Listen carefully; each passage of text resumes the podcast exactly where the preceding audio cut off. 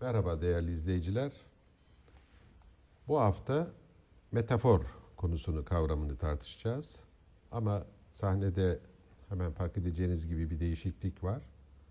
Özellikle bu çekimleri yaptığımız sıralarda değerli dostumuz, arkadaşımız Profesör Ahmet İnam bir rahatsızlığı nedeniyle hastanede tedavi görmekte. Dolayısıyla programa şimdilik katılamıyor. Ee, biz bu üçlüyü tamamlamak açısından yine ODTÜ'de öğretim üyesi değerli dostumuz Ahmet İnam'ın da çok yakın kadim dostu Profesör Yasin Ceylan'ı konuk olarak aldık.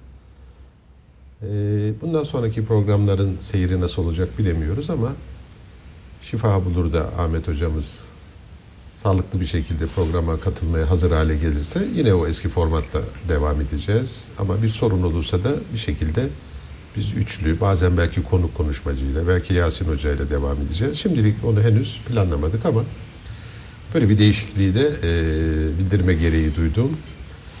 Şimdi konumuza metafor kavramına dönersek e, ben çok uzun uzun etimolojik açıklamalar pek yapmak yanlısı da değilim. Onu daha çok biliyorsunuz. Mehmet Ali Hoca severek ve büyük bir iştahla da yapar onu ve büyük bir beceriyle de doğrusu.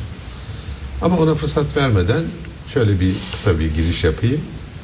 Bu meta ön eki eski Grekçe'de ya da Latince'de sık kullanılan ve bu nedenle de terim üretmeyi, kavram üretmeyi de çok mümkün kılan bir dil yapısı.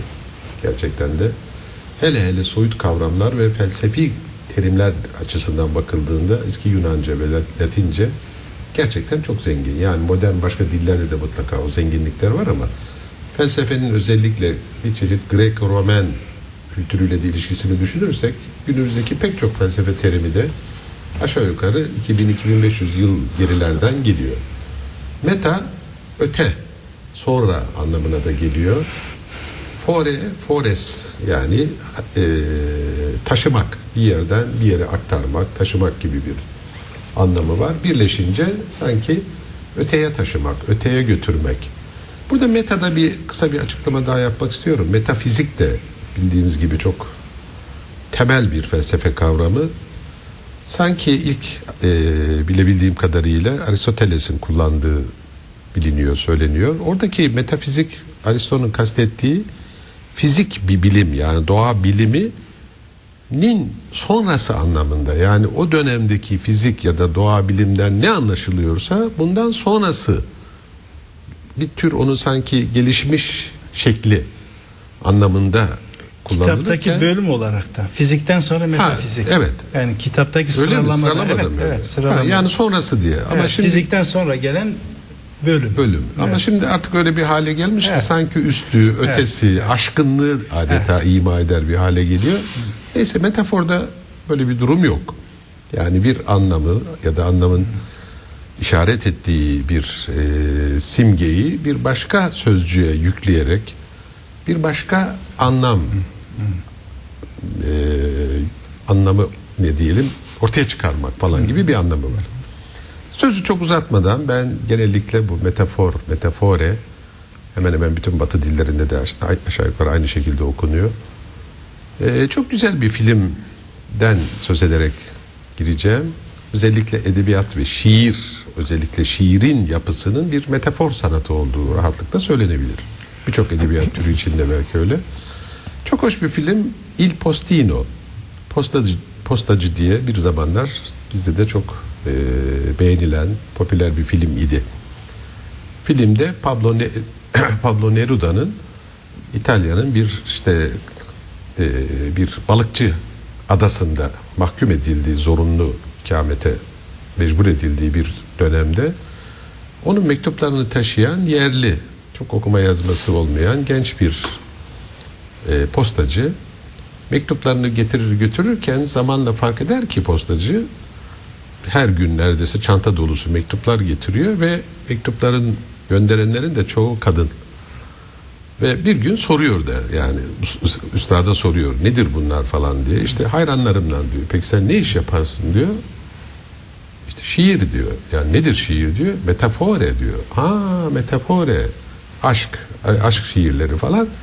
Ve yavaş yavaş şiire ve dostluk geliştikçe de Pablo Neruda ile onun özellikle o sırada aşık olduğu da bir genç bir kadın var.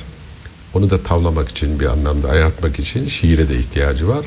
Neruda'nın şiirlerinden, aşk şiirlerinden bazılarını kendi sanki yazmış gibi sevgilisini okuyor ve çok da etkileyici de oluyor tabi. Bu üç kağıdın farkında bir şekilde varan Neruda buna kızgınlık gösterince postacının söylediği şey çok hoş. Tamam diyor sen yazmış olabilirsin ama diyor metafore diyor yani şiir kimin ihtiyacı varsa aslında onundur. Yani şu anda ben buna ihtiyaç duyuyorum ve bunu kullanıyorum. Bu da gayet meşrudur şeklinde. Tabii yani şiirin artık yazarından, şairinden giderek bağımsızlaşıp neredeyse herkesin temellükü, kendi mülkünde adeta adedilmesi böyle bir şey işte. Yani metafor üzerine felsefede, sanatta, başka bilim dünyasında ne gibi anlamlar var bir miktar bunları eşeleyeceğiz. Sözü biraz çok uzattım. Yeni konuğumuz, değerli dostumuz belki bize biraz felsefe dilinden söz ederek metafora bir açılım getirir diye düşünüyorum. Evet teşekkür ederim. Ben e, önce Ahmet'in yerini doldurabilir miyim? E, kaygılıyım. Ancak elimden geleni yapacağım. Şimdi e, dil kullanımı, metafor dil kullanımı ile ilgilidir. Her yeni kavram için e, dilde zihinde oluşan kavram için bir kelime uydurulur. Dil öyle gelişir. Nasıl yeni bir nesne, bir obje için bir kelime gerekiyorsa zihindeki bir soyut kavram içinde bir kelime, bir lafız gerekebiliyor. Bazen de böyle lafızların genişlemesi, sayının artması yerine mevcut lafızlar üzerine yeni anlamlar bindirerek dili genişletiriz. Ve bu bir sanattır. Ee, biz dilimizde mecaz deriz metafora. Mecaz Arapça bir kelimedir. Caze kökünden gelir. O da geçmek, karşıya geçmek anlamında. Metaforla hemen hemen aynı anlamda. Ee, dolayısıyla e, bir anlam var ve e, bu anlamı başka bir kelimeyi veya kavramı kullanarak onu vasıta haline getirerek genişletiyorsun. Yeni bir başka bir nüans katıyorsun. Başka bir anlam ekliyorsun ve genişletiyorsun. Dolayısıyla bu edebi sanatlardan biridir. Dili kullanma sanatlarından biri, bir uslup. Bu tabi yalnız şiirde değil, nesirde de vardır. Ee, sözlü anlatımlarda kullanılır. Gerisinde resimli bir e, dil e, intiba çıkar. Yani mecaz kullanarak, mecaz sanatını kullanarak e, karşı tarafın zihninde e, daha canlı bir e, resim yaratıp anlamı güçlendirmek. Biraz böyle örneklerle daha bir açabilir miyiz? Mesela, Yani Türkçe'de e, eğretileme, iğretileme evet. gibi. Mesela e, o savaşta bir aslandı dediğiniz zaman Hı. yani Veya uğultulu tepeler. uğultulu tepeler tabi. Şimdi Rüzgar bağıra bağıra Ha, gibi. mesela. Evet. Rüzgar bağıra bağıra bilmem bir Evet, şey ediyordu. Tepeleri seslendiriyor. Şey- Evet, tepelerden sanki sesler geliyordu gibi. Yani bir animasyon da var onda tabi canlandırma. Tabii burada omanotopeden de ayırmak lazım. Yani şimdi omanotope diye bir şey var. Onu biliyorsunuz ne olduğunu. Doğadaki sesleri taklit ederek üretilmiş kelimeler var. Mesela yağmur şakır şakır yağıyordu. Şakır şakır burada o e, doğada yağmurun çıkar düşerken çıkarttığı sese benzeyerek biz ona bir kelime uyduruyoruz. Aliterasyon. İşte buna omanatope deniyor. Ee, ondan ayırmak lazım metaforu. Metaforla omanatope bazen karışabiliyor birbirine. Ee, yani sanki böyle doğadaki sesleri mesela köpeğin hav hav, köpeğin havlaması bu bir omanatopedir. Veya kedinin Mecaz miyavlaması. değildir ama. Mecaz değildir bunlar. Değildir, evet. Ama bazen bunun mecazla karışabilenleri var. Evet. Orada ayırmak lazım. Bana kalırsa mecaz bir yoksunluğun ürünü. Yani dilimizin yoksunluğunun, yetersizliğinin, dillerimizin daha doğrusu. Bir tek bizim dilimizi kastetmiyorum. Bütün dünya dillerinde metafor var. Eğer her bir nesneyi ve her bir kavramı bütün nüansları itibariyle tek tek ayrı ayrı kelimelerle ifade edebilecek kadar gelişmiş dillerimiz olsaydı ne metafor olurdu, ne omonotope olurdu, ne e, iriteleme veya bir şey olurdu. Her şey son derece net olurdu. Ama işin kötüsü şiir de olmazdı o zaman. E, çünkü her şeyi ifade edecek bir kelime olurdu. Şimdi biraz önce dedin ya açarken e, bütün felsefe terimleri eski Yunan'da vardı.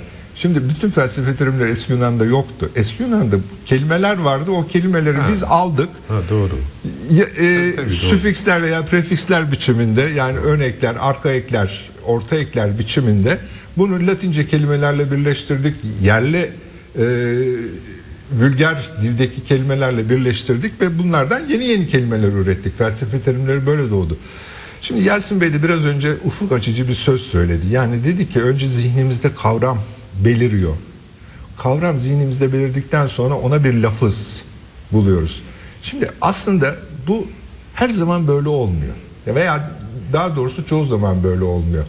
Önce bir kavramın çok ufak bir parçasını veyahut da bir şeyini, e, varyantını e, yavaş yavaş hissetmeye başlıyoruz. Ona bir ad takıyoruz. O taktığımız adın arkasından o kavramı daha genişletiyoruz ama kavramı genişletiyoruz. Fakat uzun süre o kavram o adla anılmaya devam ediyor. Fakat o yetersiz hale geliyor. İşte o zaman metafora ihtiyaç duyuyoruz. Yani o kavramı genişletmek için o kavramın içeriğinin genişlemesine bizim dilsel olarak intibak edebilmemiz için metaforlara ihtiyacımız var.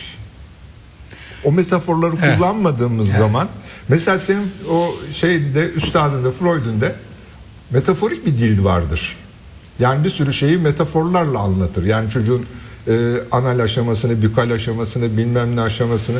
Aslında mesela bükal demesi, ağız aşaması, anal bilmem e, işte anüs aşaması bilmem ne bunlar da aslında metafor. Çünkü yani o çocuğun e, cinsel hayatının gelişmesini kavramsallaştırmada sıkıntılar var.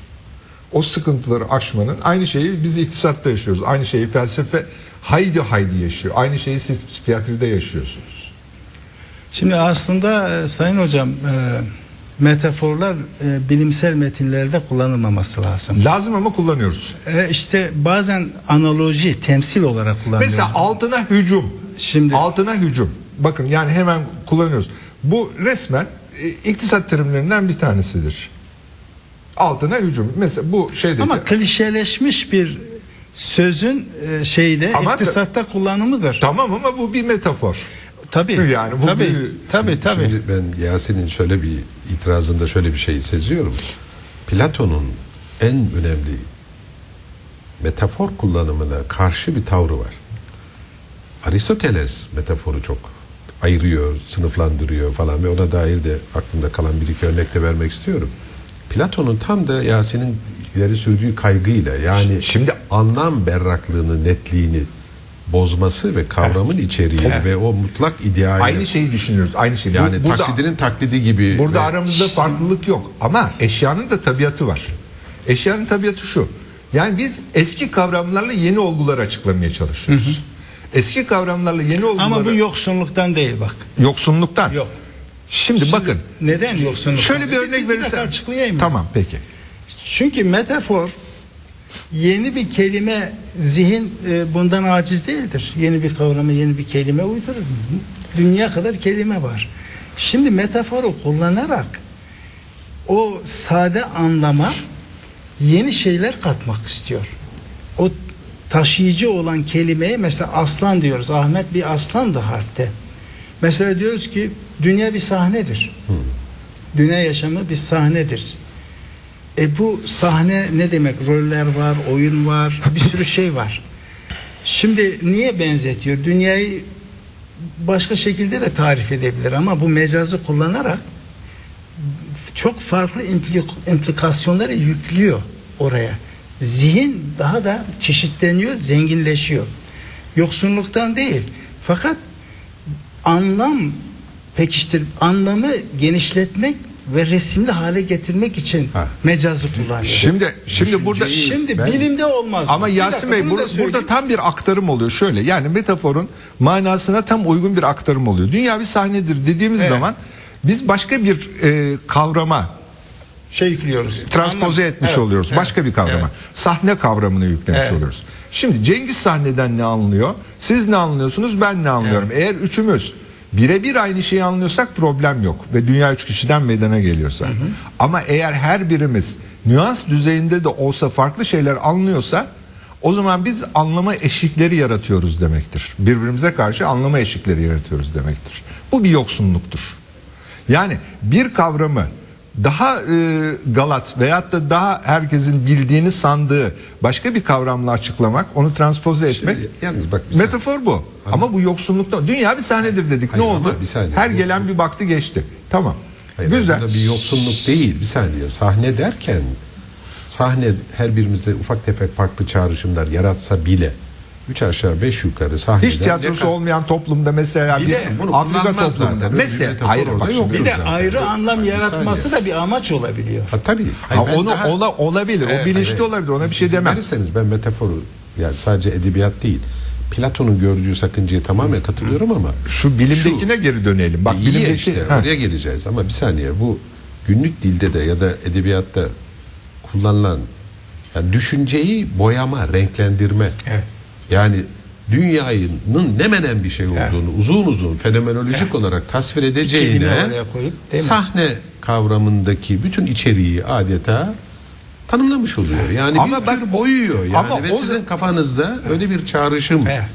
ve o çağrışım Gerisini arkasında bir bırakıyor. resim. Ama sen o zaman ne yapmış oluyorsun? Ya hayır bu bir de söz Benim müktesebatıma teslim olmuş oluyorsun. Tamam. Ama yani şimdi sen Ya öyle eğer- bir riski var. Beni an- bir şey anlatmak mı istiyorsun? Yoksa herhangi bir şey söylemek mi istiyorsun? Söylemek istiyorsan hiç mesele değil söyle. Ama eğer anlatmak istiyorsan metaforlarla anlatamazsın. Çünkü anlattığın zaman kısmi anlatırsın. Benim müktesebatıma veya onun müktesebatına teslim olursun. Ben ne biliyorsam o kadarını anlarım. Doğru.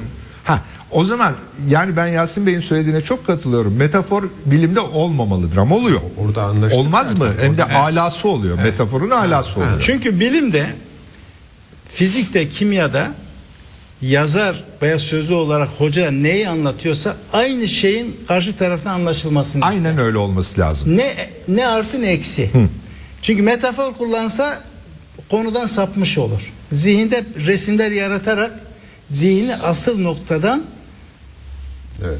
Saptırmış aydırmış olur, olur, saptırmış. saptırmış olur. Onun için bilimlerde metaforun olmaması Hatta lazım. ben bu düşünceyi en ileriye götüren de Spinoza işte. Yani sözcüklere felsefeyi, varlıkla ilgili bir derdini, meramını anlatabilmek için sözcüklere bile güvenemiyor. Sözcüklerin arkasındaki fikrin Evet. sahih olarak Evet. aktarılabileceğinden endişe Evet. ettiği için Ama haklı. işte onun için moro, moro geometriko yani geometrik yolla felsefe problemini anlatmak za- ha. adeta metafordan kaçmak E için şimdi işte. şimdi sen hakikaten hakikaten güzel bir şey söyledin. O zaman şimdi bilimde katılıyorum veya katılmıyorum anlamında söylemiyorum ama şöyle bir eğilim var. Matematik olarak ifade edilemeyen hiçbir şey bilim değildir. Biçiminde bir ifade vardır biliyorsunuz. O zaman matematik diline müracaat ediyoruz egzaktitüt için. Evet, Egzakt olabilmek Aynen için. öyle. Yani bizim e, gündelik vulger dillerimiz bunu ne kadar rafine ederseniz edin. Ne kadar tabii. çeşitlendirirseniz çeşitlendirin hiçbir zaman matematikteki egzakt e, kesinlik olmayacaktır. Onun için böyle söyleniyor. Ben e, söyleyenlerden değilim ama yatkınım o düşünceye. Bir şey matematik olarak ifade edilemiyorsa bilim değildir lafına çok yatkınım. E, o açıdan neden felsefeye bilim değil diyoruz? Yani Tabii öyle bir bilim olma iddiası yok ama Ha, yani bu da mesela. bile yani anlamı kastettiği yani Spinoza örneğindeki gibi yani bu, bu da Platon'un bir anlamda takipçisi gibi Spinoza'da yani derdini etik veya diyelim ki varlıkla ilgili. yani lafla Veya- anlatamıyoruz sonuç olarak. Hayır anlat. Elinde, Tam son- anlatamıyoruz. elinde sonunda felsefe ne kadar mükemmel anlatım filozof meramını ne kadar mükemmel anlatabilme yetisine sahip de olsa sonuçta okuyucuya ulaşmaya kalktığında sözcüklere başvurmak Evet. zorunda. Başvurmak Ve zorunda sözcüklerinde her an kirlenebileceği, Evet. Ha. o Eksik artı yüklenilebilecek şeyler. bir sürü anlamdan Kirlenme- sakınması kendisi doğru anlattığından emin olsa bile bile karşı tarafın doğru anlayıp nasıl garanti Bir de edecek? ayrıca o da yetmez, o da yetmez. Bugün dünya ke- dillerinin kelime hazneleri aşağı yukarı dökülmüş vaziyette. Yani kaç kelimeden meydana geldi dünya dilleri, baba diller tabii. Bugün 7000 üzerinde dil var. Ee, çok küçük e, gruplar tarafından konuşulan diller de var. Yani e, 100 binin üzerinde kelimeye sahip dil sayısı 30-40 bilemediniz 50-60. Şimdi İngilizce ve Fransızca gibi dünya dillerinin e, kelime haznesi nomenklatür dahil yani bu şeyleri sıraya sokan e, işte bitkileri sıraya sokan hayvanları sıraya sokan kelimeler de dahil birer milyonun üzerinde. Rusça buna yakın. İspanyolca epi mesafe almış vaziyette. Ama Arapça, Türkçe, Arapça Türkçe bir hayli. hayır değil. Birazdan söyleyeceğim Arapçada. Vallahi Arapça hocası da var, hayır, soracağız. hayır. Ara, şimdi o, e, dil tartışması açmayalım ama Arapça özel ad dilidir. Cins ad dili değildir. Arapça her ayrı nesneyi özel adla ifade etmeye yönelik bir dildir. O zenginlik değildir aslında ifade sıkıntısı yaratır. Yani bir Arapça üstadının yanında bunu söyleme cesaretini nasıl Ne- gösteriyorum kendim de şaşıyorum Yasin? ama. Şimdi e, Yani ama buna karşılık Türkçenin 126 bin kelimesi var biliyor musunuz? Yani bir- Sınırda yani. E, Fransızca ve İngilizceye nazaran 10 kelimeye bir kelime var. Siz şimdi Türkçe'de mecbursunuz devamlı metaforik konuşmaya. Şimdi o da- o yani, Yani. metaforik konuşmanın gerekçesini ben e, yani bir dildeki yetersizlik, yoksunluk olarak Sade o değil algılamıyorum. Çünkü bu büyük dillerde de büyük metaforlar Var var. Olmaz mı? Tabii var. Metafor bir sanattır. Dediğim gibi amacı yani bazen e, diyebilir mesela dünya bir sahnedir yerine e, daha başka bir metaforu kullanmaz. Meramını düz kelimelerle ifade eder ama o etkinliği yaratmaz. Ha. Dolayısıyla şimdi diller hakkında böyle hüküm vermek çok şey cesaret isteyen bir şey. Evet ben de cesaretimin farkındayım. Şimdi evet. hep vardır zaten. şimdi şimdi e, yeni doğan bilimlerden biri de e, müellifin yazdığı metin ile okuyucunun o metinden ne anladığı arasındaki farktır. Hermeneutik denilen şey budur Evet, aslında. evet, hermeneutik oyunu. Dolayısıyla sizden çıkan sadır olan bir cümle bir nevi artık malınız olmaktan çıkıyor. Ona çeşitli tevil ve tefsirler getirilebiliyor. Şimdi şiir ve edebi metinlerde bazen müellifin kastı bile aranmaz. Müellifin kastı şiiri bozabilir. Yani Yani mümkün sonra da başvurulmaz Bazen zaten. ama söylemez genelde. Çok büyük bir zenginlik kazanmış bir şiir. Neden yazdın? İşte bir sevgilin vardı. kastettiğini o- ne- Ama o şiir- zayıflatır. Bazen hiç söylemez. Yasin Siz Bey, ne anlıyorsanız odur der. Şiir anlamdan daha başka bir e, içeriği olan bir şey. Yani sözü müzikalitesidir aslında şiir. Artı imge imge. İmgedir ve imge sözü yaratma. Evet, sözü müzikalitesidir. Yani O da var, e, tabii. Esas esas esas Güzelliklerinden biri o. Şey poetika dediğimiz şey budur yani. Evet. Yani düz yazı değildir. Resimli bir anlatımdır. Duygular hareket. Hatta Yalnız belki akıl anlatım bile değil. Belki Akıl anlatım yerine bir sürü duygusallık, e, irrasyonel unsurlar bulunur ve insan zenginliğine hitap eder. Evet, Anlatımda tabii, sen biraz nesiri anlıyorsun. Onun Evet. için anlatım bile değil derken şiirde galiba haklısın. Yani anlatımda bir çünkü değil mi gramatikal evet, bir bütünlük semantiğin Evet. ötesinde. Yani anla- o gözetilmez şiirde. şiirin anlatım gibi bir derdi yok. Tabii tabii. Düz anlatım gibi. O. Yine Şimdi bir anlatım. Arapçaya gelince Arapça hususunda bir şeyler söylediniz. Şimdi bugünkü zengin dil- diller işte İngilizce, e, Avrupa'nın belli başlı ulusal dilleri işte Almanca, Fransızca. Bunlar e, son 200-300 yıl içerisinde medeniyet dili olma e, ünvanına kavuşmuş dillerdir. Bunlar ulusal dillerdi. Latinceydi bunun gerisinde Latince vardı. Şimdi Roma İmparatorluğu kurulduktan sonra Latince'de e, bir ortak dil olmaktan çıktı. Her ulus kendi dilini konuşmaya başladı ve bunlar daha sonra yazı dili haline geldi. Şimdi bunların genişlemesi, bunların geniş topraklara hükmedip me- diğer dillerden kelime kapması. Şimdi İngilizcenin öz İngilizce belki yüzde on, on beş bile değildir. Yani Latince ve Kelt. Latince değil Kelt. bir sürü. Hayır öz İngilizce diye bir şey de Kelt. yok zaten. Ha, yani, yani çok az A- az bir miktarı Anglo-Sakson. Anglo-Sakson demek Ee, daha doğru. Anglo-Sakson iner. Diğerleri hep sonradan Latinceden. Mukteseptir. Yani daha doğrusu Frans- Fransızca e, kaynaklı olmak üzere. Yani Fransızlar orada çok uzun süre kaldılar ya. O Asyalan yürekli Richard'lar falan onlar Fransızdır o krallar. O sırada 200 yıl e, Fransızca konuştu İngiltere ve bugün İngiliz hanedanının şeyin üzerinde Dieu mon droit diye şey daha önce de söylemiştim bunu Fransızca yazar. E tabi yani 19. asıra kadar Fransızca. o Fransızcadan geçme kelimelerdir onlar. Ama dünyanın her dilinden çok nadir kelime alıyorlar. Mesela kuli alıyorlar. Hamal anlamında veya bilmem işte şu köri alıyorlar Hindistan'da filan böyle yani günde yoksa kavramsal düzlemde aldıkları kelimeler hepsi yaratılmış kelimelerdir. Bunlar eski Yunanca'dan ve Latince'nin olanaklarından yararlanarak yapılan kelimeler. Bu biraz Arapça önce. için ne diyorsun? Şimdi Arapça için şunu diyebiliriz. Şimdi Arapça e, bir medeniyet yüklenmiş bir dil. Ne zaman? İşte 8. 10. yüzyıla kadar. 13. yüzyıla kadar. 4-5 asır. Yani Gazali'yi açtık mı? E, Gazali 12. asırın başı. Ya peki, Gazali- ben Aş- Gazali- aşalım bir, bir yüzyıl daha o Peki, şey zenginlik devam ediyor. Ondan sonra zaten Moğolların Bağdat'ı e, tahrip etmesiyle İslam medeniyeti çöküşe geçiyor. Şimdi Arapça e, bu ro- e, nedir e, Yunan felsefesi ve kültürüyle karşılaşmadan önce bir şey diliydi. Yani bir bedevi Ama çok Halkın- güzel şiirleri var. Var. Şimdi- İslamiyet öncesi müthiş şiirler var yani. Onun bir da dakika. tam Şimdi- işte cahiliye dönemi Şimdi şiirleri. e, İslamiyet öncesi şiir manzara tasviri deve bilhassa deve ve at tasvirleriyle geç. Çok teşbih ve mecaz var. Ben o şiirleri bir iki yıl okuttum bizzat. Dolayısıyla yani güzelliği yanında insanı usandıran Hı, tekrarlar. peş peşe böyle teşbihler, mecaz, istiareler, kinayeler yani fazla Çok tür- sanatlı. Yani sanat olmaktan çıkar o zaman. Yani fazla mesela fazla mecaz kullandım o da usandırır. Yani bir yerde e, mecazdan vazgeçmen gerekiyor. Ancak e, bu dil sonradan medeni dil oldu, medeniyet dili oldu, felsefe dili oldu. Neden? Yunan felsefesi Arapçaya çevrildiği zaman bir sürü kelime siz az önce Tabii. söyledi, ihdas edildi. Bir sürü kelime uyduruldu. Ayrıca alındı. Yunanca'dan alındı. Tabii. Felsefe kelimesi Tabii. bile Yunanca'dan Tabii, alındı. tabii. Ee, işte filosofya, Yunanca'dan işte alındı. hikmet olarak. Feylesof. Ha. Efendim, e, dolayısıyla bu tecrübeyi Arapça geçirdi.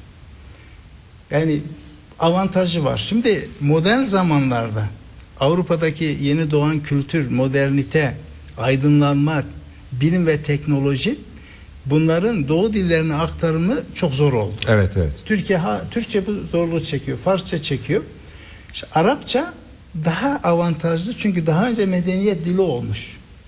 Ben Arapça metinlere baktığımda batıdaki kavramları yüklenmede ve aktarmada daha başarılı görüyorum. Fakat- çünkü o tecrübeyi geçirmiş. Fakat Yasin Bey bir Ama sürü iddiasını bir dakika Buyurun. yani yine de Mehmet Ali'nin iddiasını tam Şimdi hayır Yani bir ha, özel şey bir söyleyeyim, dil. bir şey söyleyeyim. Ha, neyse, o da şart değil. Üzerine Yani, devam edelim. Güzel. Şimdi, Şimdi, o, o husus o noktayı da söyleyelim hocamızın e, merak kastettiği şey. Şimdi siz dediniz ki Arapçada her şeye bir kelime aşağı yukarı yani kök köklerden üretme nadir az. hiç ö- tam, tam tersi. tersi diyebiliyorum. Tam hayır, tersi. hayır hayır. Şimdi Şimdi bak mesela şimdi- kalem kalem kaleme kökünden ka- şey aman e, KTP kökünden katip kütüphane bilmem e, türüyor bi- bilmem ne ama modern terimler için köklerle bağlantı kopmuş vaziyette.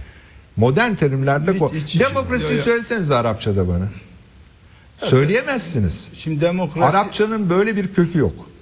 şimdi demokrasi yeni bir kavram olduğu için bu haliyle tüm dillere geçmiş. Yani Hayır geçmiş Şimdi. Arap ne diyor? Demokrasiye bir Arapça karşılığı var. mı? bağlı onu da demokrasi. Cumhuriyeti de söyleyemezsiniz Arapça. Cumhur Arapça bir kelime. Hayır, Cumhuriyet Tanzimat döneminde bizzat Osmanlılar tarafından türetilmiş bir Yok, kelimedir. Cumhur yok. Cemhere cumhur. E, cemahiriye var. Cemahiriye ama Arapça, Cumhuriyet Cumhur değil. Arapça bir kelime. Ha, Cumhur, Türkçe'de. Arapça değil demiyorum. Ama Cumhuriyet Bir yani kavram olarak Republik söylüyorum. kelimesinin karşılığı olarak Cumhuriyet biz bizim tarafımızdan türetilmiş bir kelime. Yani Türkler türetti. Şimdi mektup da yani. mesela Osmanlıca. mektup biz onlar risale der. Biz mek- ikisi de. Arapçadır. Biz mektuba özel bir anlam Biz vermişiz. türettik ayrıca onu. Mesela biz tasarruf deriz Türkçe.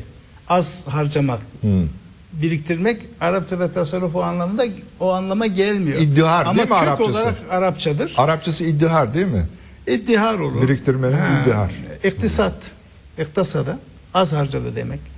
E, ama o Türkçe'de de öyle. Ekonomik E- ekonomi davranma. yap. Muktesit vardır ya. Muktesit. Muktesit şey Şimdi davranan yani. bakın tutumlu, tutumlu. Arapça sizin dediğiniz aksine, dediğinizin aksine e, köklerden fevkalade çok kavram üretilen bir dil.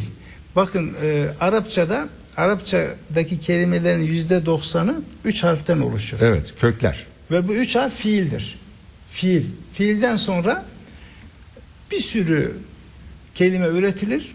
Kipler, derivation'lar ve bazen lisan-ı Arap denilen lügate baksanız bir kelime için 15-20 sayfa bulabilirsiniz. Enteresan bir şey. Yani öyle zıt anlamlar bile yüklenmiş aynı kelimeye. Dolayısıyla Şi- şimdi bunu Yasin Bey bunu kabul etmemek Organik mümkün bir değil. dil. Hayır hayır bunu kabul etmemek mümkün değil. Fakat Arapçanın şöyle bir sıkıntısı var. Arapçanın kökleri yeni kökler eklenmediği için ve her şey o köklerden türetildiği için şimdi içten yanmalı motor diyemezsiniz Arapçada. nasıl diyemezsin? diyemezsiniz. Buyurun deyin siz Arapça Ya üstadısınız. şimdi ben öyle bir hazırlık için gelmedim işten ya. Hayır, Yani, yani o ben- kanunları ama yani bir, bir Arap burada olsa size şu an aklıma gelmiyor ama bulabilirim işten yanmalı. Yani Motor deyin Arapça. motor yani motor el muharrik hareket Ama, eden. muharrik her şey Tabii muharrik muharrik. ama. Her şey muharrik. El tahrik el dahiliye dediğin zaman işten yanmalı motor çıkar yani bu uydurabilirsin. Niye olmasın? Neyse, yani peki. şimdi benim benim demek istediğim şimdi bildiğimiz diller hakkında bu hükümleri zor veririz. Bilmediğimiz diller hakkında bu tür konuşmak Hayır. Arapçada şimdi devenin kaç tane hali var? Bir söylesenize bana. Yani ben böyle bir soruyla karşılaşacağımı bugün hiç düşünmüyorum. ama şimdi Çok bu- var canım yani. Çok var. yani her deve üzerinde çok yani- kelime var. Bakın Batı dilleri, Batı dilleri sıfatlarla ana kelimeyi muhafaza ederek sıfatlarla işi götürüyorlar. Arapça gibi Doğu dilleri sıfatlar yerine ana kelimeyi muhafaza etmek yerine her birine ayrı kelime buluyor. Onun için cins ad dili diyoruz biz bunlara. Cins ad dili. Ee, şey pardon, özel ad dili diyoruz. Batı dillerine ise cins ad dili diyoruz. Yani bu benim ayrımım değil, bu lengüstiğin ayrımı. E, lengüstik bir ayrım bu. Onun için e, Batı dilleri Peki. daha Neyse, üremeye onu bir müsait. başka bir gün dil şeyinde tartışırız da size bir soru soracağım o zaman. Mesela çekmecenin gözü, masanın ayağı, ayakkabı. Bunlar ne? Metafor tabii ki. Pek metafor Ama sayılır. bunlar İstihare. ayrı ke- ayrı kelime haline getirdik de ondan. metanomimi mi yoksa bu nedir burada? Yani bu burada da mesela şimdi bir fa- fakirlik mi var yoksa masanın ayağı sözü? E fakirlik tabii. Yani Yani masanın ayağına ayak- ayrı kelime bulmayıp Ne diyelim? Yani işte hayır ayak dememişiz mesela- ki. Dememişiz. Vakti zamanında deseydik demiş olacaktık. İşte bunlar artık şey hani Ö- bunu ölü mecazlardır. ölü mecaz. Ölü Arist- mecaz. Aristoteles bunu kullanıyor He, işte. he, ölü Kim mecazı. kullanıyor? Ar- Ar- Aristo'nun yaptığı Ha. ayrımdır. Bu iki türlü kullanıyor doğru. Bir yaşayan bir de ölü, Ölü mecazı. şeyler, metaforlar. Bunlar demin masanın ayağı. Artık Evet. öyle kabullenilmiş o artık o anlamda. Yani neredeyse bir, birleşik tek Ama başına bak bir kelime gibi. Sandalyenin kolu. Ama Sandalyenin kolu. Ama İngilizce'de the, Ayağın bağı işte the, ayakkabı. the step of the table demiyorsun veya table step demiyorsun. Armchair. Ha, e, kelimesi var. Özel kelimesi var onun. Ançer kol konulan yer. Me- me- mesela biz kolluk diyoruz ama o ançer diyor. Yani Batı dilleriyle Sehpa mesela. daha daha iyi çıkıyor. Parça üç ayak demek. Sehpa. Pa Öyle mi? ayaktır tabi. Seh üç. Ha. Pa da ayak. Üç ayak. O Batı Genelde- dillerinde de var. Tripod.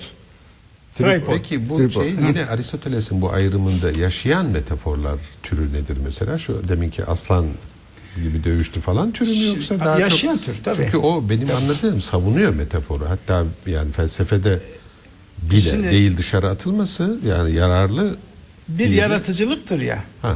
Şimdi dildeki kelime siz konuşurken veya yazarken dildeki kelimeler bir Lego'nun parçası gibi önünüze arz ediliyor. Buyurun diyor.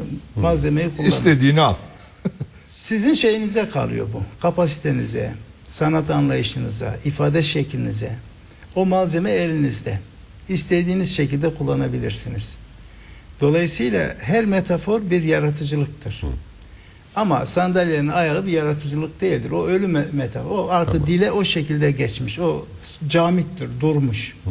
Sizin yeniden kuracağınız metaforlar, istiareler, kinayeler, Ha, Dolayısıyla bu dışlanmamalı yani. efendim, bu teşbihler bunlar hepsi size ait sizin şeyinize bırakılmış özgürlüğünüze durumlardır ve dili.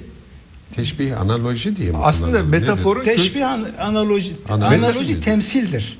Simili teşbih benzetme similitüt. Ha. similitude si- simili Aslında metaforun kökeninde benzetme var. Bir şeyi bir şeye benzetmeden Tabii, metafor yapamazsın. Tabii, tabii. Yani bu- ama Yani o benzer var yani. Tabii de. o benzerliği Tabii. Tabii teşbih teşbihten var daha farklı. ondan- İstiharede Hayır, de hayır, var. Hayır. Ha, ön koşulu. Evet. Teşbih teşbih başka bir şey. Teşbihte sen benzetiyorsun. E, similitütte ise o benzerliğin anonim bir şekilde yani herkes tarafından aşağı yukarı herkes tarafından kabul ediliyor olması lazım. İkisi farklı şeyler. Teşbihte sen bir şeyi bir şeye benzetiyorsun. Evet, evet. Onu başka birisi Öznel kabul bir şey etmeyebilir. yani. Öznel sana ait o. O senin de- benzetin. Ve yaygın olarak Yok görebilir benz- sonra. benzerlik yönünü açıklıyorsun teşbihte. Ha. Metaforda Mesela biraz örneklerle anlatırsanız. Bu. Mesela- Mesela sevgilinin dudaklarını kiraza benzettiğin zaman bu yaygın bir şeydir ama örnek olsun. Teşbihi beli bu. Ha, işte. teşbih Güzel benzetme. Teşbih yapıyorsun. teş- sevgilimin duda mesela e, ki, kıpkırmızı kirazlarla karşılaştın desen mecaz olur. Hatta istihare olur. Ha. Ama kiraze benziyordu desen teşbih olur. Evet.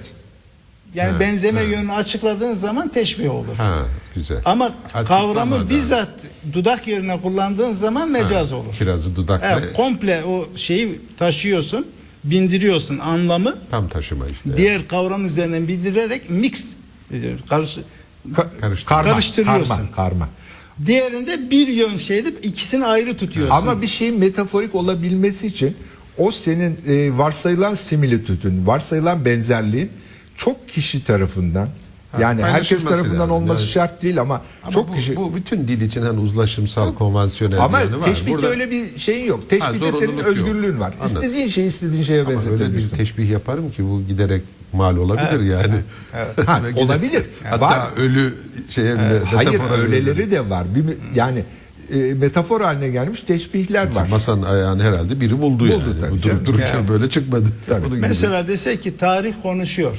ha, ha en güzeli bu Ha. işte. Bak metaforun en ası bu. Şimdi tarih konuşuyor. Bu bir istiharedir aslında. Yani, Yani tarihi insan yerine koydunuz. Ee, orada benzeyen benzetilen. Kişiselleştirdik. Evet. e, tarih ne oluyor? Benzetilen oluyor değil mi? İnsana evet. benze- o konu benzeyeni hasfettin. Yani ortadan kaldırdın. Bu da bir sanattır. Dolayısıyla e, iki birbirine benzeyenlerden birini hiç zikretmedim. Birini söyledim. Evet örtülü bir şekilde benzerlik. Evet. Ve Mesela e, tarihin penceresinden dediğimiz zaman Evet, aynı şey. güzel. Tarihin Tabii, ben- tabii, evet tarihin tabii. penceresinden. penceresinden bakalım. Evet. bakalım. Veya tarih yaprakları bu sefer takvime benzetiyoruz. evet. Değil mi? Ama bunu hepsini neye benzetildiğimizi hepimiz anlıyoruz. Evet. Tarihin yaprakları dediğimiz zaman takvime benzettiğimizi. Ondan sonra tarihin penceresinden dediğimiz zaman binaya. O tarih konuşuyor dediğimiz zaman bir bedene benzettiğimizi biliyoruz. Evet. Ama mesela e, tarihin dalgaları.